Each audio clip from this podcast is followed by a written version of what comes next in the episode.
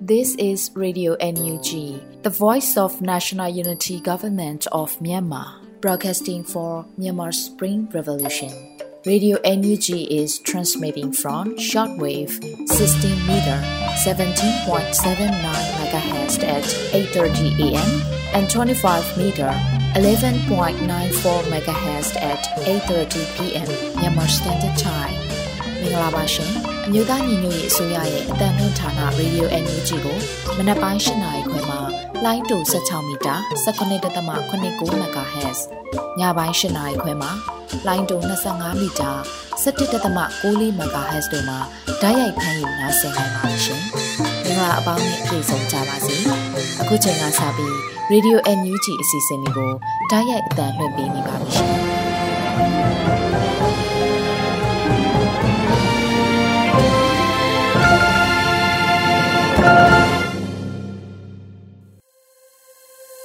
မြန်မာနိုင်ငံသူနိုင်ငံသားအပေါင်းတဘာဝပေးဆရာနာရှင်ပြီးတို့ကနေကင်းဝေးပြီးကိုစိတ်နှစ်ပါးပေးကင်းလုံးကြုံကြပါစေလို့ရေဒီယိုအန်ယူဂျီဖွယ်သားများကဆုတောင်းမြတ်တာပို့သလိုက်ရပါတယ်ရှင်။အခုချိန်ကစပြီးကာကွယ်ရေးဝန်ကြီးဌာနရဲ့စီရေးသတင်းချင်းချုပ်ကိုတော့စောထဲလူမင်းမှဖတ်ကြားတင်ပြပေးပါတော့မယ်ရှင်။အမျိုးသားညီညွတ်ရေးဆိုရာကာကွယ်ရေးဝန်ကြီးဌာနမှထုတ်ဝေသောနိုင်စဉ်စီးရေးသတင်းအကျဉ်းချုပ်များကိုစတင်ဖတ်ကြားပေးပါမယ်။ စစ်ကောင်စီတပ်သား15ဦးသေဆုံးပြီး9ဦးဒဏ်ရာရရှိခဲ့တယ်လို့သတင်းရရှိပါရခင်ဗျာ။စစ်ကောင်စီနှင့်တိုက်ပွဲဖြစ်ပွားမှုများမှာရှမ်းပြည်နယ်တွင်စက်တင်ဘာလ10ရက်နေ့မနက်10:59ခန်းကဖဲခုံမြို့နယ်မိုးပြဲမြို့တွင်စစ်ကောင်စီနှင့်ဒေသခံကာကွယ်ရေးတပ်ဖွဲ့များတိုက်ပွဲဆက်လက်ဖြစ်ပွားခဲ့ကြောင်းသတင်းရရှိပါရခင်ဗျာ။စကိုင်းတိုင်းတွင်စက်တင်ဘာလ10ရက်နေ့ကကောလင်းမြို့နယ်အင်းမင်းသားကြီးရွာမှ စစ်ကောင်စီတပ်သားများနှင့်ပြည်သူ့ကာကွယ်ရေးတပ်မတော်ကောလင်းခရိုင်တရင်တစ်တို့ထိတွေ့တိုက်ပွဲဖြစ်ပွားခဲ့ကြောင်းသတင်းရရှိပါရခင်ဗျာစက်တင်ဘာလ9ရက်နေ့မနက်7:30ခန်းကခင်ဦးမြို့နယ်ကြားကုန်းကြီးရွာနှင့်ခွန်တောင်ကြီးကြီးရွာကြားခွန်တောင်ကြီးရွာနှင့်ပယံကြီးရွာတို့တွင်ပြူစောထီများမိုင်းလာထောင်စဉ်ကြားရွာပကဖ one day LPDF DUGF Black Burgon LPDF မှ drone ဖြင့်ပုံကျတိုက်ခိုက်ရာ ပြူစောတီ3တေဆုံးပြီး9ဦးထိခိုက်ဒဏ်ရာရရှိခဲ့ကြောင်းသတင်းရရှိပါရခင်ဗျာစက်တင်ဘာလ9ရက်နေ့နေ့လယ်12:16မိနစ်ခန့်ကမြင်းမှုမျိုးနယ်ထီးဆောင်ကျေးရွာနှင့်ကံပြားကျေးရွာကြားတွင်ကားဆက်တစည်းပါစစ်ကောင်စီရင်နှန်းကိုဇီရိုပျောက်ကြားတပ်ဖွဲ့မှပရိသာမိုင်းကိုလုံးဖြင့်ပထမအကြိမ်မိုင်းဆွဲတိုက်ခိုက်ခဲ့ပြီးနဘဲကျူးကျေးရွာနှင့်ပြော့ရွာကျေးရွာကြားတွင်ပရိသာမိုင်း၅လုံးဖြင့်ဒုတိယတစ်ကြိမ်ထပ်မံတိုက်ခိုက်ခဲ့ရာစစ်ကောင်စီတပ်သား12ဦးသေဆုံးခဲ့ကြောင်းသတင်းရရှိပါရခင်ဗျာ။ စက်တင်ဘာလ9ရက်နေ့နေ့လယ်7:00နာရီခန့်ကမြင်းမှုမြို့နယ်အလကပါကြီးရွာနှင့်ဝမ်းပြည့်ကြီးရွာကြားတွင်စစ်ကောင်စီရင်နှန်းကို Black Eagle ပြည်သူ့ကာကွယ်ရေးတပ်မတော်သကိုင်းခရိုင်တရင်6တခွဲ3မြောင် PDF CDSOM မြင်းမှု Civil Revolution Force CRF People Defense Force MMU မြင်းမှု Lightning Gorilla Force မြင်းမှုလျက်စီးနှင့်မိုင်းညီနောင်တို့မှမိုင်းဆွဲတိုက်ခိုက်ခဲ့ကြောင်းသတင်းရရှိပါရခင်ဗျာ။ စက်တင်ဘာလ9ရက်နေ့ကမုံရမြို့နယ်တာစီကြီးရွာအနီးတာစီလမ်းမပေါ်တွင်အကျဉ်းထောင်များကိုလိုက်လံကြီးကြပ်နေသောကြီးကြပ်ရေးအဖွဲ့အင်ဂျင်နီယာဒုကြီးကြပ်ရေးမှူးအကျဉ်းဦးစီးဌာနနှစ်ပွင့်အရာရှိဦးမျိုးညွန့်အောင်ကိုပိုင်အမှတ်ကာကြီး3386ကိုမုံရပြည်သူ့ခရိုင်ကာကွယ်ရေးတပ်မတော်ချင်းတွင် Attack Force တရင်နှစ်တခွဲလေး5 for people FFP တို့မှပြစ်ခတ်ဖမ်းဆီးခဲ့ကြောင်းတင်ရရှိပါရခင်ဗျာ။ မကွေးတိုင်းတွင်စက်တင်ဘာလ9ရက်နေ့နေ့လယ်3နာရီခန့်ကပခုတ်ကူမြို့နယ်ပခုတ်ကူနီးပညာတက္ကသိုလ် GTC တွင်တက်ဆွဲထားသောစစ်ကောင်စီတပ်စခန်းအားဒေသခံကာကွယ်ရေးတပ်ဖွဲ့မဟာမိတ်ပူးပေါင်းတပ်ဖွဲ့များဖြစ်သောတခင်မြလက်နက်ကြီးတပ်ဖွဲ့ပခုတ်ကူ Ranger RSO PKU တူရိန် TR တပ်ခွဲ Black Cobra Force နှင့်ပခုတ်ကူပြည်သူ့ကာကွယ်ရေးတပ်ဖွဲ့ Yan Force အဖွဲ့တို့မှ80မမ60မမ40မမလက်နက်ကြီးတို့ဖြင့်ပူးပေါင်းတိုက်ခိုက်ခဲ့ရာ စစ်ကောင်စီဘက်မှတိတ်ဆုံးသူဒဏ်ရာရရှိသူအရေအတွက်များပြားနိုင်ကြောင်းတင်ရရှိပါရခင်ဗျာစစ်ကောင်စီကျွလွန်သောရာဇဝတ်မှုများမှာစကိုင်းတိုင်းတွင်စတင်မာလာ10ရက်နေ့ကပလဲမြို့နယ်တနယ်ချေးရွာသို့စစ်ကောင်စီတပ်သားများဝင်ရောက်ခဲ့ပြီးပြည်သူတအုပ်ကိုပြစ်တက်ခဲ့ကတအုပ်မှထိတ်လန့်သိမ်းဆုံးခဲ့ပြီးတအုပ်မှပေါင်တို့ကြီးစံထိမှန်ခဲ့ကြောင်းတင်ရရှိပါရခင်ဗျာ စက်တင်ဘာလ9ရက်နေ့ညနေ6:45ခန်းကဝက်လက်မြို့နယ်ရင်းမကန်ကျေးရွာတွင်အင်အား40ခန့်ဖြင့်တပ်ဆွဲထားသောစစ်ကောင်စီတပ်သားများကဖော်လိုင်းကျေးရွာသို့60မမလက်နက်ကြီးများဖြင့်ပစ်ခတ်သောကြောင့်နေအိမ်လေးလုံးမီးလောင်ပြာကျခဲ့ပြီးပြည်သူတအုပ်လက်နက်ကြီးထိမှန်ဒဏ်ရာရရှိခဲ့ကြောင်းသတင်းရရှိပါရခင်ဗျာမကွေးတိုင်းတွင်ဩဂုတ်လကုန်ပိုင်းနဲ့စက်တင်ဘာလပထမပတ်အတွင်းကမကွေးတိုင်းမင်းုံမြို့နယ်အတွင်းသို့စစ်ကောင်စီအင်အား300ခန့်စစ်ကြောင်းထိုးဝင်ရောက်ခဲ့ပြီးလက်ပွားကျေးရွာနှင့် မိုက်ရွာဘက်သို့ရောက်ရှိလာသောစစ်ကောင်စီစစ်ကြောင်းကလက်ပွားရွာတွင်ဒေသခံကာကွယ်ရေးတပ်ဖွဲ့မဟုတ်သောဒေသခံပြည်သူ29ဦး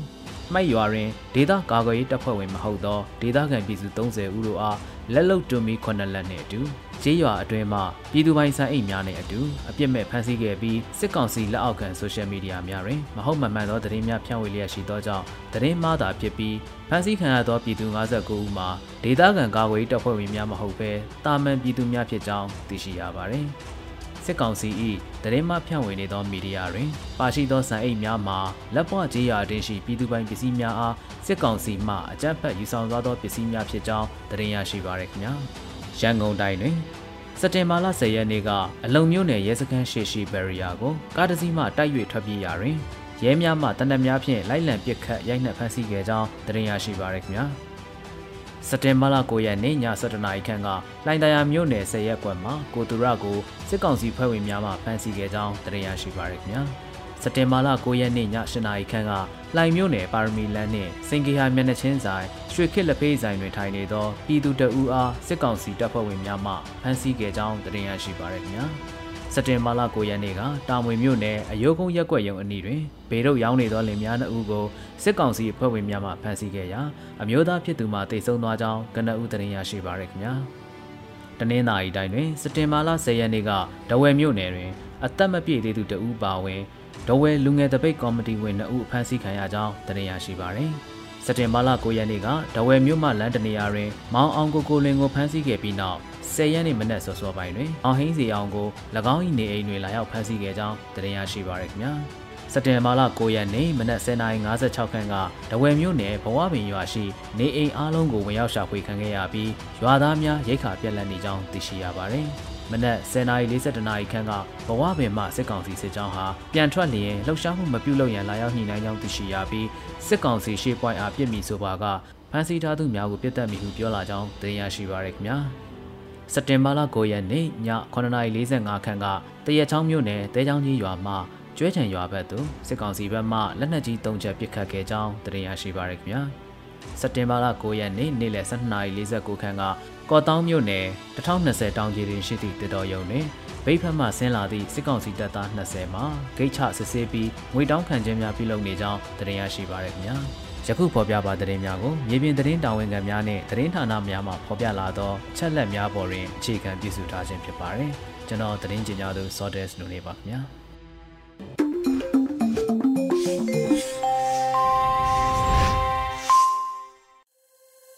ရေဒီယိုအန်ယူဂျီမှာဆက်လက်တင်ပြပေးနေပါတယ်။အခုဆက်လက်ပြီးနောက်ဆုံးရသတင်းများကိုနှွေဦးမောင်မှဖတ်ကြားတင်ပြပေးပါတော့မယ်ရှင်။မင်္ဂလာပါခင်ဗျာ။ယခုချိန်ကစပြီးရေဒီယိုအန်ယူဂျီမနက်ခင်းသတင်းများကိုဖတ်ကြားတင်ပြပေးပါတော့မယ်။ယခုတင်ပြပေးမယ့်သတင်းတွေကတော့ Radio NUG သတင်းတာဝန်ခံတွေနဲ့ခိုင်လုံသောမိဖက်သတင်းရင်းမြစ်တွေမှာအခြေခံထားတာဖြစ်ပါတယ်။ကျွန်တော်ကတော့ຫນွေဦးမှာပါခင်ဗျာ။မုံတိုင်းကြောင့် နင့်နာခဲမှုများအတွက်ဝမ်း내ကြောင်းတဝန်လွာအားတောင်ကိုရီးယားအစိုးရထံသို့ NUG မှပေးပို့ခဲ့တဲ့သတင်းကိုတင်ဆက်ပေးပါမယ်။မုံတိုင်းကြောင့်နင့်နာခဲမှုများအတွက်ဝမ်း내ကြောင်းတဝန်လွာအားတောင်ကိုရီးယားအစိုးရထံ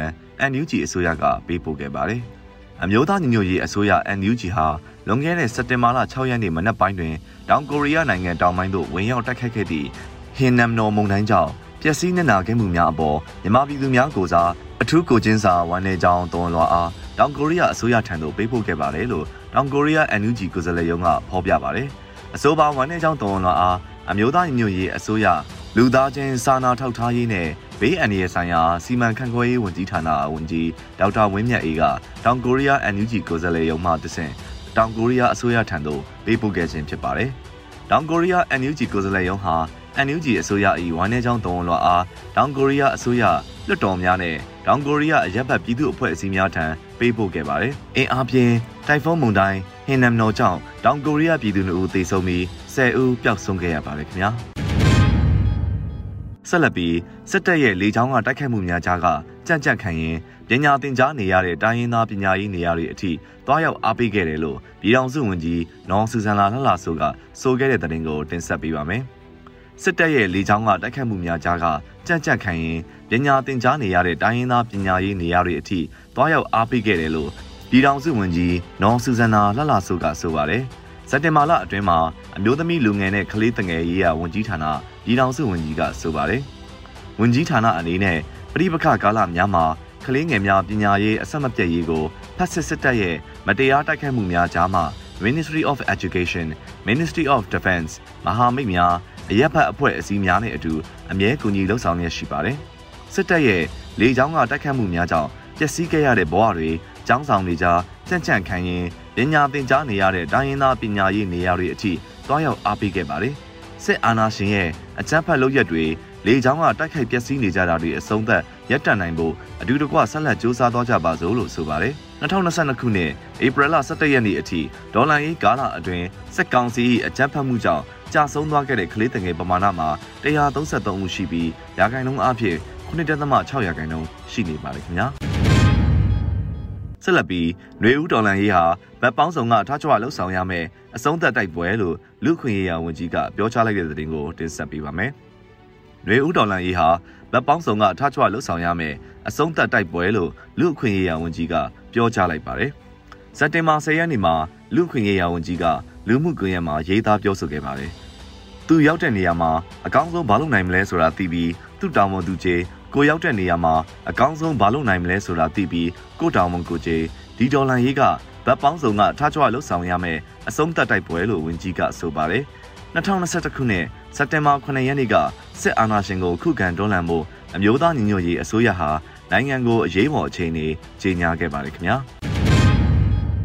ဆက်လက်ပြီးလစဉ်လကုံရက်တရက်မှလွဲ၍နေ့စဉ်24နာရီကာလပတ်လုံးຫນွေဦးထီထိုးနိုင်ပြီဆိုတဲ့အကြောင်းကိုတင်ဆက်ပေးပါမယ်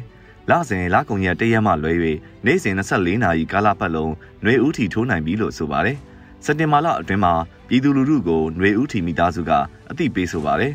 လစဉ်လကုံရက်တရက်မှလွဲ၍နေ့စဉ်24နာရီကာလပတ်လုံးဖွင့်လှစ်ထားပြီးဖြစ်ပါတယ်လို့ဆိုပါတယ်။ຫນွေဦးထီလက်မှတ်ကိုဝယ်ယူလိုပါက လူမကအမှန်ချစ်ပါတော့ຫນွေဦးထီလူမှုကွန်ရက်စာမျက်နှာ Messenger Box မှာဆက်သွယ်ဝယ်ယူနိုင်ပြီဖြစ်ပါတယ်။ CDN သူရဲကောင်းများကိုတစ်ဖက်တစ်လမ်းကဂုံပြူထောက်ပံ့နိုင်ဖို့ဆိုတဲ့ຫນွေဦးထီရဲ့ပင်မရီမန်းချက်နဲ့အတူ CDN သူရဲကောင်းတထောင်ကျော်ကိုထောက်ပံ့ပေးနိုင်ခဲ့ပြီဖြစ်ပါတယ်။သို့တော့ຫນွေဦးထီနဲ့ချိတ်ဆက်ထားတဲ့ CDM အရေးအတွက်ဟာ3,900ကျော်ရှိနေပြီးထောက်ပံ့နိုင်မှုအတိုင်းအတာဟာလိုအပ်ချက်များစွာရှိနေသေးတာပဲဖြစ်ပါတယ်ခင်ဗျာ။ ဆက်လက်ပြီးဇန်အေးမှာမပါဝင်လိုက်ရသူတွေအတွက် Project Skywalk ကိုဝိုင်းဝန်းအားဖြည့်ပေးကြဖို့တိုက်တွန်းခဲ့တဲ့သတင်းကိုတင်ဆက်ပေးပါမယ်။ဇန်အေးမှာမပါဝင်လိုက်ရသူတွေအတွက် Project Skywalk ကိုဝိုင်းဝန်းအားဖြည့်ပေးကြဖို့ဒေါ်လာရေးရန်ပုံငွေရှာဖွေပေးတဲ့မတ်ပန်ဆယ်လိုကဆိုပါတယ်။စက်တင်ဘာလအတွင်းလူမှုကွန်ရက်မှာမတ်ပန်ဆယ်လိုကရေးသားပြောဆိုခဲ့ပါတယ်။နူချီလေးတက်ဘာညာလောင်ခဲ့တာတွေကတကယ်ဖြစ်လာတော့မှမောင်းသူမဲ့လေရင်လို့ခေါ်လို့ရတဲ့ drone တက် drone တက်အဖြစ် အစစ်မြင့်နည်းပညာတွေနဲ့အစင်းမြင့်တင်ဖွဲ့စည်းဖို့ရန်ပုံငွေရှာဖွေရေးပလန်ဖြစ်တဲ့ Project Skywalk ကိုဝိုင်းဝန်းအားဖြည့်ပေးကြပါ။ဇန်ရင်မှာမပါဝင်လိုက်ရသူတွေရောထပ်မံပါဝင်နိုင်သေးသူတွေရောပါဝင်ပေးကြပါအောင်လို့ဆိုပါတယ်။ Project Skywalk ဟာအမျိုးသားညီညွတ်ရေးအစိုးရကာကွယ်ရေးဝန်ကြီးဌာနကာကွယ်ရေးဒုဝန်ကြီးနိုင်ကောင်းရက်ကဦးဆောင်ပြီးဗန်နာရေးဌာနနဲ့ပြည်သူ့ဆက်ဆံရေးအဖွဲ့တို့ဦးစီးလှုပ်ဆောင်တဲ့ဗန်နာငွေရှာဖွေရေးအစီအစဉ်တရက်ဖြစ်ပါတယ်။ဩဂတ်စ်လ30ရက်နေ့ကနေစက်တင်ဘာလ15ရက်နေ့အထိ ကမ်ပိန်းကာလနှစ်ပတ်တာကာလအတွင်း Project Skywalk ကနေဘန်နာငွေပေါင်း American Dollar သန်းအထိရှာဖွေပတ်မိုးပေးနိုင်ဖို့မျှော်မှန်းထားပါတယ်ခင်ဗျာဆက်လက်ပြီး YDF ထီးလင်းမှာထီးလင်းမြို့နယ်အတွင်းတွင်လုံခြုံရေးဂိတ်၄ဂိတ်ဖွင့်လှစ်ခဲ့တဲ့တဲ့တင်ကိုတင်ဆက်ပေးပါမယ်စက်တင်ဘာ10ရက်နေ့တွင် YDF ထီးလင်းမှာထီးလင်းမြို့နယ်အတွင်းတွင်လုံခြုံရေးဂိတ်၄ဂိတ်ဖွင့်လှစ်နေပြီလို့သတင်းရရှိပါတယ်စက်တင်ဘာ10ရက်နေ့မှာ YDF ထီးလင်းကအသိပေးဆိုပါတယ် အများပြည်သူလုံခြုံစွာသွာလာနေထိုင်ရန်ရည်ရွယ်၍ YDF ထီးလင်းမှထီးလင်းမြို့နယ်အတွင်းတွင်လုံခြုံရေးဂိတ်၄ဂိတ်ဖွင့်လှစ်ဆောင်ရွက်နေပြီဖြစ်တယ်လို့ဆိုပါတယ်။၎င်းဂိတ်များမှာရည်သည့်အခကျင်းငွေများတောင်းယူကောက်ခံပြီးမဟုတ်ဘဲအများပြည်သူတို့၏လုံခြုံရေးကိုသာဆောင်ရွက်မှာဖြစ်တယ်လို့ဖော်ပြပါတယ်။ပြည်သူများအနေဖြင့်လုံခြုံရေးအရာစစ်ဆေးမင်းမြတ်မှာကကြီးပြူစွာပူးပေါင်းဆောင်ရွက်ပေးကြရန်တားမြစ်ပစ္စည်းများတည်ယူရောင်းဝယ်ခြင်းများမပြုလုပ်ကြရန် ဂိတ်တွင်တပ်ဖွဲ့ဝင်များအားငွေကြေးပေးဆောင်မှုများမပြုလုပ်ကြရန်ဆိုထားပါတယ်ခင်ဗျာဆက်လက်ပြီးကရင်နီပြည်တိုက်ပွဲမှာတပ်မ66တပ်မမှုကိုယ်တိုင်အပြင်းအထန်ဒဏ်ရာရခဲ့၍တပ်မမှုအစားထိုးခဲ့ရတဲ့တဲ့တင်ကိုတင်ဆက်ပေးပါမယ်ကရင်ပြည်နယ်တိုက်ပွဲမှာတပ်မ66တပ်မမှုကိုယ်တိုင်အပြင်းထန်ဒဏ်ရာရခဲ့ပြီးတပ်မမှုအစားထိုးခဲ့ရတယ်လို့သတင်းရရှိပါတယ်။ Granny Army Center ကစက်တင်ဘာ10ရက်နေ့မှာသတင်းထုတ်ပြန်ပါတယ်။ အကြမ်းဖက်စစ်အာဏာသိမ်းပြီးနောက်ပိုင်းစစ်ကူအဖြစ်တိုင်ရင်6ရင်းကိုဥဆောင်လာခဲ့တဲ့ဗိုလ်မှူးချုပ်အဆင့်ရှိတပ်မ66တပ်မမှုမျိုးမင်းကိုယ်တိုင်ဂရင်နီပြည်နယ်သို့ရောက်ရှိလာခဲ့ပြီးဒေသခံတပ်များနဲ့အတူအကြမ်းဖက်စစ်စင်ရေးလုပ်ငန်းများဆောင်ရွက်ခဲ့ပါတယ်။ဂရင်နီတပ်မတော်အပါအဝင် GNDF တပ်များနဲ့ PDF တပ်များ၏ခုခံတိုက်ခိုက်ခဲ့ခြင်းတံပြန်ထိုးစစ်ပြုလုပ်ခဲ့ခြင်းနဲ့အခြားစစ်ဗျူဟာအဝါဝါကိုပြန်လည်ချိန်မုံတိုက်ခိုက်ခဲ့သဖြင့် တပ်မမှုမျိုးမင်းအပြင်းထန်ဒဏ်ရာရရှိခဲ့သည့်အပြင်တပ်မမှုအစားထိုးခဲ့ရသည့်အထိဖြစ်ခဲ့ရတယ်လို့ဖော်ပြပါတယ်။ထို့အပြင်ဖရူးဆိုတိုက်ပွဲမှာတရင်မှုတအူထပ်မံကြာဆုံးခဲ့ရပြီးကြံတရင်မှု2ဦးမှာလည်းအခြားတိုက်ပွဲမှာဒဏ်ရာရခဲ့၍တရင်မှု3ဦးသာကြန့်ရှိခဲ့သည့်ဂီယနီပြည်ရောက်တပ်မ66ဟာမကြာသေးသည့်ရက်အနှဲငယ်အတွင်းမှာနောက်ထပ်တရင်မှုတအူအလုတ်တောင်ဝန်ထမ်းဆောင်လို့စိတ်မရှိဟုတင်ပြခဲ့ရာကြီးလေသောပြစ်ဒဏ်ကြခံစေရေးအတွက်နောက်တန်းသို့ပြန်လည်ပို့ဆောင်ခြင်းခံခဲ့ရတယ်လို့ဖော်ပြပါတယ်။ လောက်ကင်တိုက်ပွဲနဲ့ရခိုင်တိုက်ပွဲမှာနာမည်ကြီးခဲ့တဲ့တပ်မ66ပြည်နီပြည်ရောက်ခဲ့ပြီးတပ်ဖွဲ့စည်းပုံပြက်သည့်အထိအချိန်နေစိုးနဲ့ကြုံခဲ့ရတယ်လို့ဖော်ပြပါတယ်ခင်ဗျာ။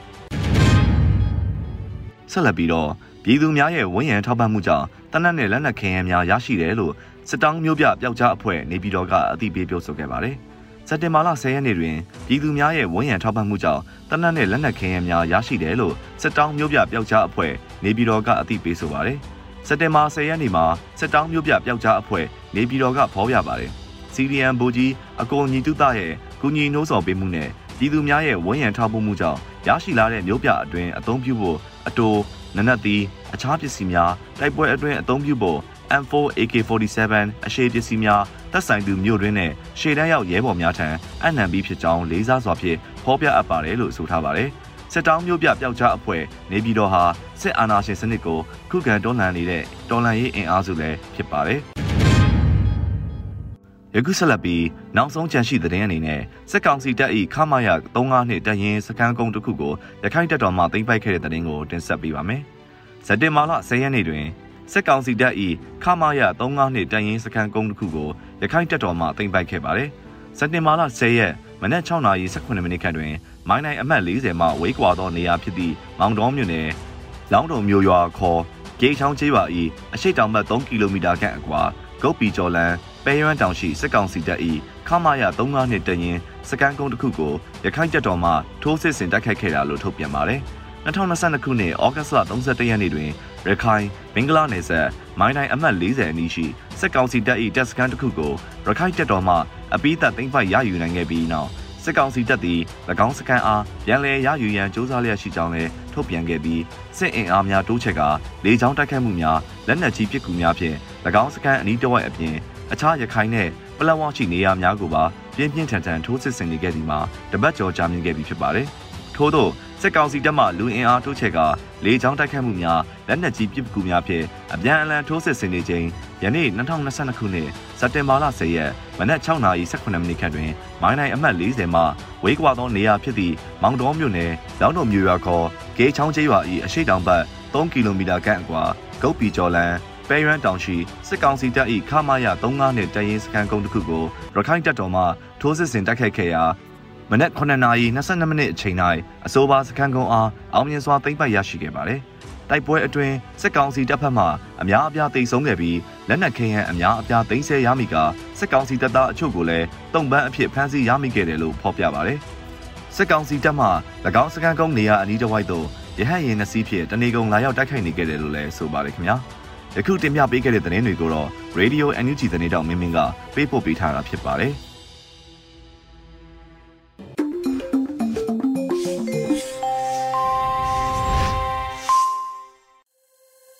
ရေဒီယိုညူဂျီပရိသတ်တွေအတွက်ကူးဆက်လက်ပြီးထုတ်လွှင့်ပေးမယ့်အစီအစဉ်ကတော့ပြည်သူခုခံစစ်တရင်များဖြစ်ပါတယ်။ကြော်မြူဦးမှဖတ်ကြားတင်ပြပေးပါမယ်ရှင်။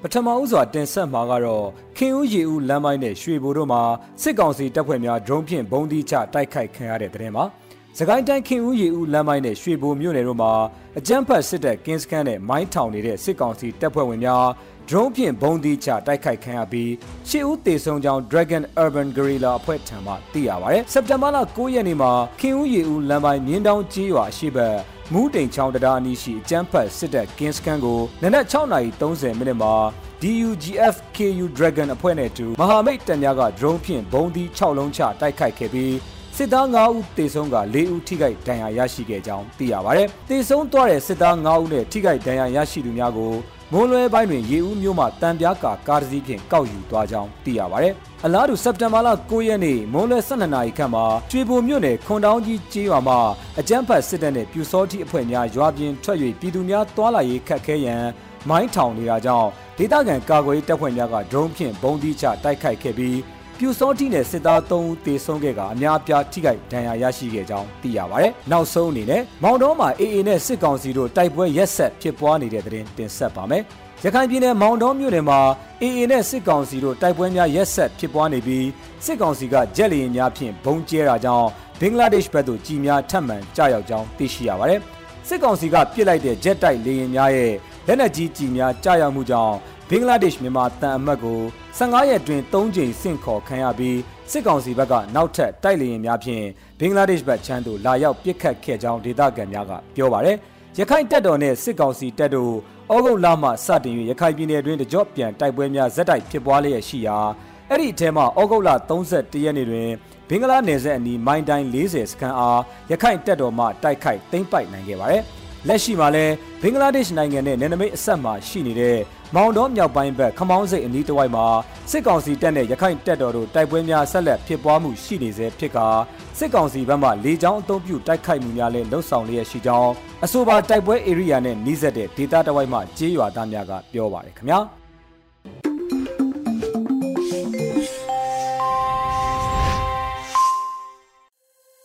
ရေဒီယိုအန်ယူဂျီမှာဆက်လက်တင်ပြနေပါတယ်။ အခုဆက်လက်ပြီး PPTV ရဲ့နေ့စဉ်သတင်းများကိုထက်ထက်အင်ဒရာအောင်မှဖတ်ကြားတင်ပြပေးပါရမရှင်။အခုချိန်ကစပြီး PPTV သတင်းတွေကိုတင်ဆက်ပြီးတော့မှာပါ။ကျွန်မထက်ထက်အင်ဒရာအောင်ပါ။ပထမဆုံးတင်ဆက်ပေးမယ့်သတင်းကတော့ ARView 6မိုင်ခွဲအစုရှယ်ယာရောင်းချမှုကအမေရိကန်ဒေါ်လာ3သန်းကျော်သွားပြီလို့ EOD ကြေညာလိုက်တဲ့သတင်းမှာ အကြမ်းဖက်ခေါင်းဆောင်မင်းအောင်လှိုင်မတရားသိမ်းပိုက်ထားတဲ့အင်အားပြုဖြစ်တဲ့6မိုင်ခွဲကနေကိုအမျိုးသားညီညွတ်ရေးအစိုးရစီမံကိန်းဗန်နာကြီးနဲ့ရင်းနှီးမြှုပ်နှံမှုဝန်ကြီးဌာနကအစုရှယ်ယာရောင်းချမှုပြုလုပ်နေရာအမေရိကန်ဒေါ်လာ3သန်းကျော်ဖို့အထိရောင်းချထားတယ်လို့ EOD ကကြေညာထားပါတယ်။အခုဆိုရင် ARView at 6.5မိုင်ကလည်းမနေ့ကတင်ဒေါ်လာ3သန်းကျော်သွားပါပြီ။ share 9000မှာ3000ကျော်ရောင်းပြီးပြီးကာလတန်ဖိုးရဲ့သုံးမှုတပုံပဲဈေးဖြတ်ထားတာဆိုတော့တော်လှန်ရေးပြီးတာနဲ့နှစ်ဆကတေချာပေါက်မြက်ပြီးသားဖြစ်လို့စုမိရင်စုမိတယ်လို့ဝယ်ထားတော်လှန်ရေးလည်းအမြန်ပြီးအကျိုးအမြတ်လည်းကြံမှာဖြစ်လို့ငွေရှိလို့ရွှေဝယ်ထားအိမ်ဝယ်ထားတာထက်ပို့ပြီးတော့တိုင်းပြည်အတွက်ရောကို့အတွက်ပါအကျိုးရှိမှာအသေးချာနောက်တစ်ချိန်ကို့ပြည်ကို့မြေမှာအခြေပြန်ချဖို့စဉ်းစားထားရင်လဲစုဆောင်းငွေတွေကိုဗန်တဲသိမ်းထားမယ့်အစား ချင်းကြရှိမဲ့ငွေဖြစ်ပြောင်းလဲပြီးတော့ဝယ်ထားတဲ့အင်အားဗျူ6မိုင်ခွဲရဲ့ share တွေပါလို့ EOD ကရေးသားထားပါတယ်။6မိုင်ခွဲအိမ်ကိုအစုရှယ်ယာရောင်းချနေစဉ်မှာပဲ Spring Yangon Investment ကိုလည်းတပြိုင်နက်ရောင်းချခဲ့ပေမဲ့ပြည်သူတွေကဒေါ်လာရေးအတိစိတ်နဲ့စီမံကိန်းနှစ်ခုစလုံးကိုဝယ်ယူခဲ့တာပါအင်အားပြု6မိုင်ခွဲနေအိမ်ကိုအစုရှယ်ယာရောင်းချမှုကအစုရှယ်ယာတစုကို American Dollar 100နဲ့အစုရှယ်ယာပေါင်း9000ရောင်းချနေတာလည်းဖြစ်ပါတယ်။ Spring Yangon Investment ကနေရောင်းချတဲ့မြေခွက်တွေကဈေးများလို့မဝယ်နိုင်သူတွေအတွက်အင်အားပြု6မိုင်ခွဲမှာအစုရှယ်ယာတွေဝယ်သင့်တယ်ဆိုပြီးတော့လဲ EOD ကတိုက်တွန်းထားပါသေးတယ်။ကျေးဇူးတင်ပါတယ်ရှင်။ ရေဒီယိုညူချီပရိသတ်တွေအတွက်ကူးဆက်လက်ပြီးထုတ်လွှင့်ပေးမယ့်စီစဉ်ကတော့တိုင်းရင်းသားဘာသာစကားနဲ့သတင်းထုတ်လွှင့်မှုအနေနဲ့ချိုးချင်းဘာသာစကားခွဲတစ်ခုဖြစ်တဲ့မွန်ဘာသာစကားဖြင့်သတင်းထုတ်လွှင့်မှုကိုနားဆင်ကြရတော့မှာဖြစ်ပါတယ်။ဒီစီစဉ်ကိုရေဒီယို NUG နဲ့ချိုးချင်းဘာသာစကားသတင်းထုတ်လွှင့်မှုဖွဲ့တို့ကပူးပေါင်းတင်ဆက်ထားတာဖြစ်ပါတယ်ရှင်။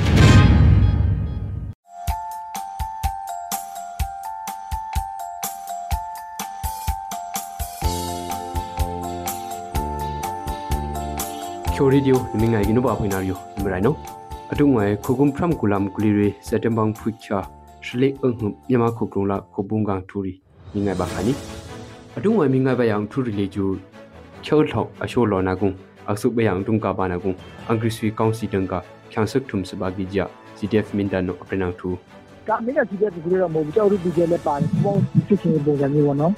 ကျူချောထောက်အရှိုလောနာကုံအဆုဘယံတုံကဘာနာကုံအင်္ဂရိဆွီကောင်စီတန်ကချန်စက်ထုမ်စဘာဂီဂျာ CDF မင်ဒနိုအပရနန်ထူကမင်းက CDF ကိုလည်းမဟုတ်ဘူးကြောက်ရူပီကျဲလည်းပါတယ်ပေါ့ဖြစ်ချင်ပုံစံမျိုးပေါ့နော်ဟိုကြောက်ထုမြောက်တက်ကနေလက်နဲ့ကြီးတွေနဲ့တောက်လျှောက်ပြစ်နေတဲ့ CDF Mindata Aksuk Maya Challenge Akhuna Gung Abe Vaya Ngui Akdom Thuba Gijia CDF Mindat Dengano Angkhuna Phi Adunga Singkano Minga Khani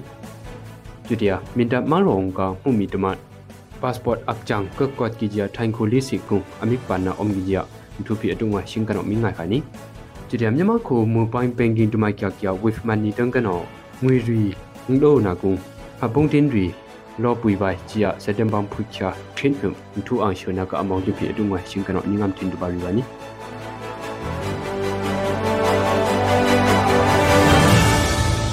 ဒုံကနာအရှုံယုံကြီးအမင်ဒမောင်ရောကရုံလီဂျူ CDF မင်ဒတ်လာအင်္ဂရိစီကောင်စီစက်တမ်ဘမ်ဖူချာကိုခုံဝိုင်တုံကနောတင်းနေအခစုဘယအမင်းတုံကပန်အုံကီဂျာ CDF မင်ဒတ်တုံကန်လီဂျူပရစ်ကိနီ ajuna mingtung ka bana gung ai ru cheno chemong le chu CTF minta spokesperson no mashikrapit kini တိုက်ပွဲကတော့နေလေကိုအောင်မှာဖြစ်တယ်၁၇နာရီတော့က5မိနစ်လောက်မှာဖြစ်တယ်၃ရောက်လောက်ကြာတယ်ပြီးတော့တန်ရာ၄၅ရောက်ရနိုင်တယ်ပေါ့နော်တိုက်ပွဲအရင်မကြာလာဘူး ဒါမိနစ်စီတဲ့ဒီလိုတော့မဟုတ်ဘူးကြောက်ရပြီးကြလဲပါတယ်ပုံပုံစစ်ချင်းပုံစံမျိုးပေါ့နော်ကြောက်ထုမြောက်တက်ကနေလက်လက်ကြီးတွေနဲ့တောက်လျှောက်ပြစ်နေတဲ့အတွက် sorry ပြီးတော့ကျွန်တော်အရင်မကြာလိုက်ဘူးအခြေအနေရပေါ့နော်ဒီမိနစ်ဖက်ကိုဖက်ပြမလားဒီရှင်တဲ့ line ခွဲနေရှင်ကြောင်းမတက်ဘူးနဲ့ကြောင်းမလားမိနစ်ကိုတက်မလားဆိုတော့စောင့်ကြည့်နေတယ်နော်အတူပဲအရှင်နာမင်ကပါနာလီကျူမင်တမောင်းရုံကနောမငရှောက်ထောက်ရှုကီယာမင်တလာမကွေအနင်းလာကုံအော့ကမဲလေကုံအမင်းတုံကနာကျကီဂျီပီပရစ်ကွေနေ CDF မင်တတန်ကနောအခစုဘယာ challenge အခါမငရီခိနောဝယာငွေလုံစုံပါကြပရဆနာကုံလေကျူအကဒမ်အဒါထူဘာနာအုံဂီဂျာ CDF မင်တဆဟေလိခိမရီပြမ်ထမ်နာကောင်ဘုံတန်ကနောပရစ်ကိနေ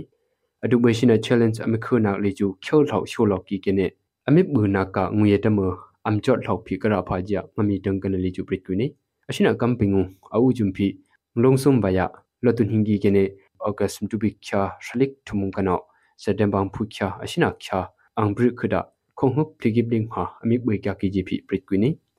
ashina challenge le ju myama khokrong mung ka kyane american japan thailand la singapore khong op kya khokhyang au jumpi longsun tu hingi ja cdf mindat tangan le ju pritkini yangon mangrong kano bangkok ka အောက်ကစမ်တူပိချက်ထုံကိဘလက်အဟုံဒီလောက်ရဖူမီချောင်စခရုံကအခုကုမ်ကူလောက်ရမြန်မာခုချောင်တမချွန်ပီပတ်စပို့ဗီဇာ အဟိကော့ကီဂျာထိုင်ခိုလေးစင်ဘုံပလင်ဘုံတန်ကနောအပန်နာအုံဂီဂျာဖနာအုပ်ကိနီအဂျူနာဖူမီတမလီဂျူအနိယဘတ်စပို့စကန်အမီတဲနကုံကရာစီထိုင်ခုံအုံဂီယာလာဝကန်ဘုံတန်ကနောအပန်ဂျီပီပရစ်ကွီနီအတုဘွေလီဂျူထိုင်ခိုစ